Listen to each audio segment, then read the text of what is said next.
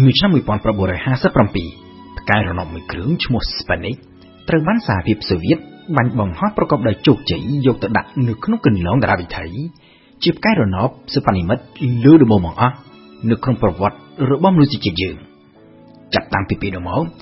សកម្មភាពរបស់មនុស្សយើងនៅក្នុងទីអវកាសចេះតែកើនឡើងជាលំដាប់ឥតឈប់ហើយបច្ចុប្បន្ននេះផ្កាយរណបបានក្លាយទៅជាឧបករណ៍ដ៏សំខាន់មិនអាចខ្វះបានមួយរបស់មនុស្សយើង នៅក្នុងជីវិតរស់នៅប្រចាំថ្ងៃរបស់យើងមានរឿងជាច្រើនរាប់ចាប់តាំងពីប្រព័ន្ធអ៊ីនធឺណិតទូរស័ព្ទដៃប្រព័ន្ធ GPS រហូតទៅដល់ការព្យាករណ៍អាកាសធាតុគឺត្រូវពឹងផ្អែកយ៉ាងខ្លាំងទៅលើផ្កាយរណបដែលមានរាប់ពាន់នៅដេដាពីពេញនៅក្នុងទីអវកាសជុំវិញភពផែនដីរបស់យើងគិតនៅត្រឹមពាក់កណ្ដាលឆ្នាំ2021នេះជាង60ឆ្នាំក្រោយការបាញ់បង្ហោះផ្កាយរណប Sputnik ការិយាល័យអង្គការសហប្រជាជាតិទទួលបន្ទុកផ្នែកអវកាស បានប៉ាន់ស្មានថានៅក្នុងគន្លងតារាវិថីជុំវិញភពផែនដីមានផ្កាយរណបជាង7000គ្រឿងដោយរាប់ទាំងផ្កាយរណបបានកំពុងមានដំណើរការនិងផ្កាយរណបចាស់ចាស់ដែលលែងមានដំណើរការក៏ប៉ុន្តែបន្តមានវត្តមាននៅក្នុងគន្លងតារាវិថីជាមួយនឹងកំណើននៃតម្រូវការបច្ចេកវិទ្យាបច្ចុប្បន្នគេរំពឹងថាចំនួនផ្កាយរណបនឹងត្រូវកើនឡើងកាន់តែច្រើនជាងនេះទៅទៀតទៅថ្ងៃអនាគតជាពិសេស តាមរយៈគម្រោងបាញ់បង្ហោះផ្កាយរណបតូចតូចរហូតដល់ទៅរាប់ម៉ឺនសម្រាប់ផ្ដល់សេវាអ៊ីនធឺណិតរួមមានជាអាចគម្រោង Starlink របស់ក្រុមហ៊ុន SpaceX និងគម្រោង Kuiper របស់ក្រុមហ៊ុន Amazon កំណើននៃសកម្មភាពបាញ់បង្ហោះផ្កាយរណបនេះបូករួមជាមួយនឹងបេសកកម្មអវកាសជាច្រើនផ្សេងទៀតវាបង្កើតឲ្យមានបញ្ហាដ៏ចម្បងមួយ គឺបំណែកអវកាសដែលកាត់ចេញពីទូផ្កាយរណបដោយផ្ទាល់នោះផង និងពីទូរ៉ុកែតអវកាស ដែលគេប្រើដើម្បីបាញ់បង្ហោះផ្កាយរណបក៏ដូចជាបាញ់បង្ហោះយានអវកាសផ្សេងទៀតហើយដែលផ្នែកខ្លះនៃទូរ៉ុកែតជាពិសេសកំណាត់នៅប៉ែកខាងលើបន្តស្ថិតនៅក្នុងគន្លងតារាវិថីនៅក្រោយពេលបាញ់បង្ហោះរួចបន្ថែមពីលើនេះទៅទៀតការបាញ់សាឡបងមីស៊ីលប្រឆាំផ្កាយរណប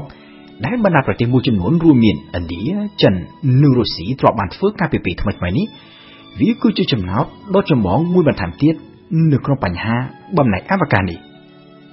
ទីភ្នាក់ងារ NASA របស់អាមេរិកនិងទីភ្នាក់ងារ ESA របស់អឺរ៉ុបបានប៉ាន់ស្មានថានៅក្នុងទីអវកាសជុំវិញភពផែនដីរបស់យើងនៅក្នុងពេលបច្ចុប្បន្ននេះមានបំណែកអវកាសទំហំចាប់ពី1សង់ទីម៉ែត្រឡើងទៅ រហូតដល់ទៅប្រមាណជាកន្លះលានឯណោះហើយបំណែកអស់ទាំងនេះសុទ្ធតែមានសក្តានុពលអាចបង្កគ្រោះថ្នាក់ដល់មនុស្សយើងជាការពិតថាសម្រាប់អ្នកដែលនៅលើដី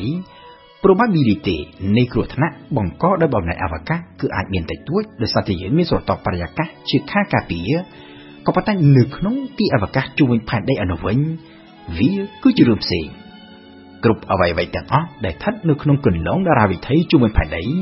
គឺមិននៅនឹងថ្កល់នោះទេក៏ប៉ុន្តែត្រូវធ្វើដំណើរក្នុងលបឿនគន្លងតារាវិថីហើយក្នុងគន្លងតារាវិថីទៀតដែលគេហៅតាមភាសាអង់គ្លេសថា low earth orbit លបឿនគន្លងតារាវិថីនេះ គឺមានរហូតដល់ទៅប្រមាណជា7គីឡូម៉ែត្រក្នុងមួយវិនាទីពូលគឺលឿនជាងក្របកំភ្លើងរហូតដល់ទៅ10ដងឯណោះក្នុងលបឿនដ៏លឿនបែបនេះសូម្បីតែបំណែកទូចមួយទំហំត្រឹម1សង់ទីម៉ែត្រក៏អាចបង្កការខូចខាតធ្ងន់ធ្ងរផងដែរប្រសិនបើវាហោះបុកទង្គិចជាមួយនឹងយានអវកាសឬជាមួយនឹងផ្កាយរណបការបុកទង្គិចគ្នាណាមួយនៅក្នុងទីអវកាស វាមិនត្រឹមតែបង្កឲ្យមានការខូចខាតទៅដល់ឧបករណ៍ដែលត្រូវបុកទង្គិចនោះទេក៏ប៉ុន្តែវាបង្កើតឲ្យមានជាបញ្ហាកាន់តែធ្ងន់ធ្ងរជាងនេះទៅទៀតទៅតាមយន្តការដែលគេឲ្យឈ្មោះជាភាសាអង់គ្លេសថា Kessler Effect ពូគឺនៅក្រោយពេលដែលមានការទង្គិចគ្នាណាមួយ បំណែកដែលកើតចេញពីការបុកទង្គិចគ្នានេះវាធ្វើឲ្យចំនួនបំណែកអវកាសត្រូវកើនឡើងហើយ probability ក៏ត្រូវកើនឡើងដែលបំណែកទាំងនេះត្រូវទៅបុកទង្គិចជាមួយនឹងវត្ថុផ្សេងទៀត បង្កើតឲ្យមានបំណែកអវកាសកាន់តែច្រើននិង probability នៃការបុកទង្គិចគ្នាពីមួយទៅមួយក៏កាន់តែច្រើននៅក្នុងសម័យកាលដែលអ្វីអ្វីត្រូវពឹងផ្អែកខ្លាំងទៅលើបច្ចេកវិទ្យាដូចជាសពថ្ងៃនេះការខូចខាតផ្កាយរណបដែលនៅក្នុងទីអវកាសគឺអាចបង្កនូវផលប៉ះពាល់ដោយផ្ទាល់ទៅលើជីវិតរស់នៅប្រចាំថ្ងៃរបស់មនុស្សយើងដែលនៅលើដី។ក្នុងពេលជាមួយគ្នាវាក៏ចោទជាបញ្ហាដ៏ចម្បងមួយដែរទៅលើសវត្ថភាពនៃការធ្វើដំណើរអវកាស ទាំងសវត្ថភាពរបស់អវកាសយានិកដែលធ្វើដំណើរទៅមកនិងមានវត្តមានជាប់ជាប្រចាំនៅក្នុងស្ថានីយ៍អវកាសបច្ចុប្បន្នទាំងសវត្ថភាពរបស់អវកាសយានិកនៅក្នុងគម្រោងទៅកាន់ព្រះច័ន្ទនិងទៅកាន់ភពអង្គារឬក៏ទៅកន្លែងផ្សេងផ្សេងទៀតទៅថ្ងៃអនាគតហើយដូច្នេះហើយបានជាការិយាល័យអង្គការសហប្រជាជាតិទូតបន្ទុកអវកាសបានចេញសេចក្តីណែនាំមួយកាលពីឆ្នាំ2010កន្លងទៅនេះដោយដាក់ចេញនូវចំណុចសំខាន់សំខាន់ដែលទីភ្នាក់ងារអវកាស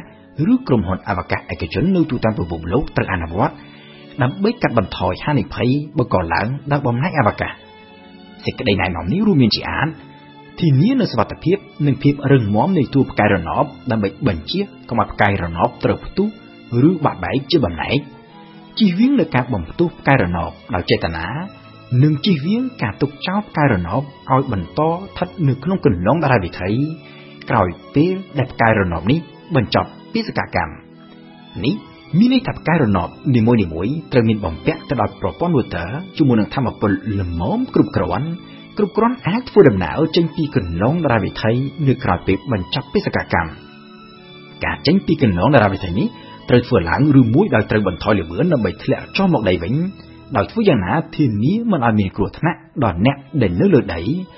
ឬមួយត្រូវបង្កើនល្បឿនឲ្យកាន់តែលឿនបង្កើនគន្លងតារាវិថីឲ្យទៅកាន់តែខ្ពស់ទៅហួសគន្លងតារាវិថីដែលគេឲ្យឈ្មោះជាភាសាអង់គ្លេសថា geosynchronous ទៅដល់ក្នុងតំបន់មួយដែលគេបំរុងទុកសម្រាប់តែផ្កាយរណបលែងដំណើរការ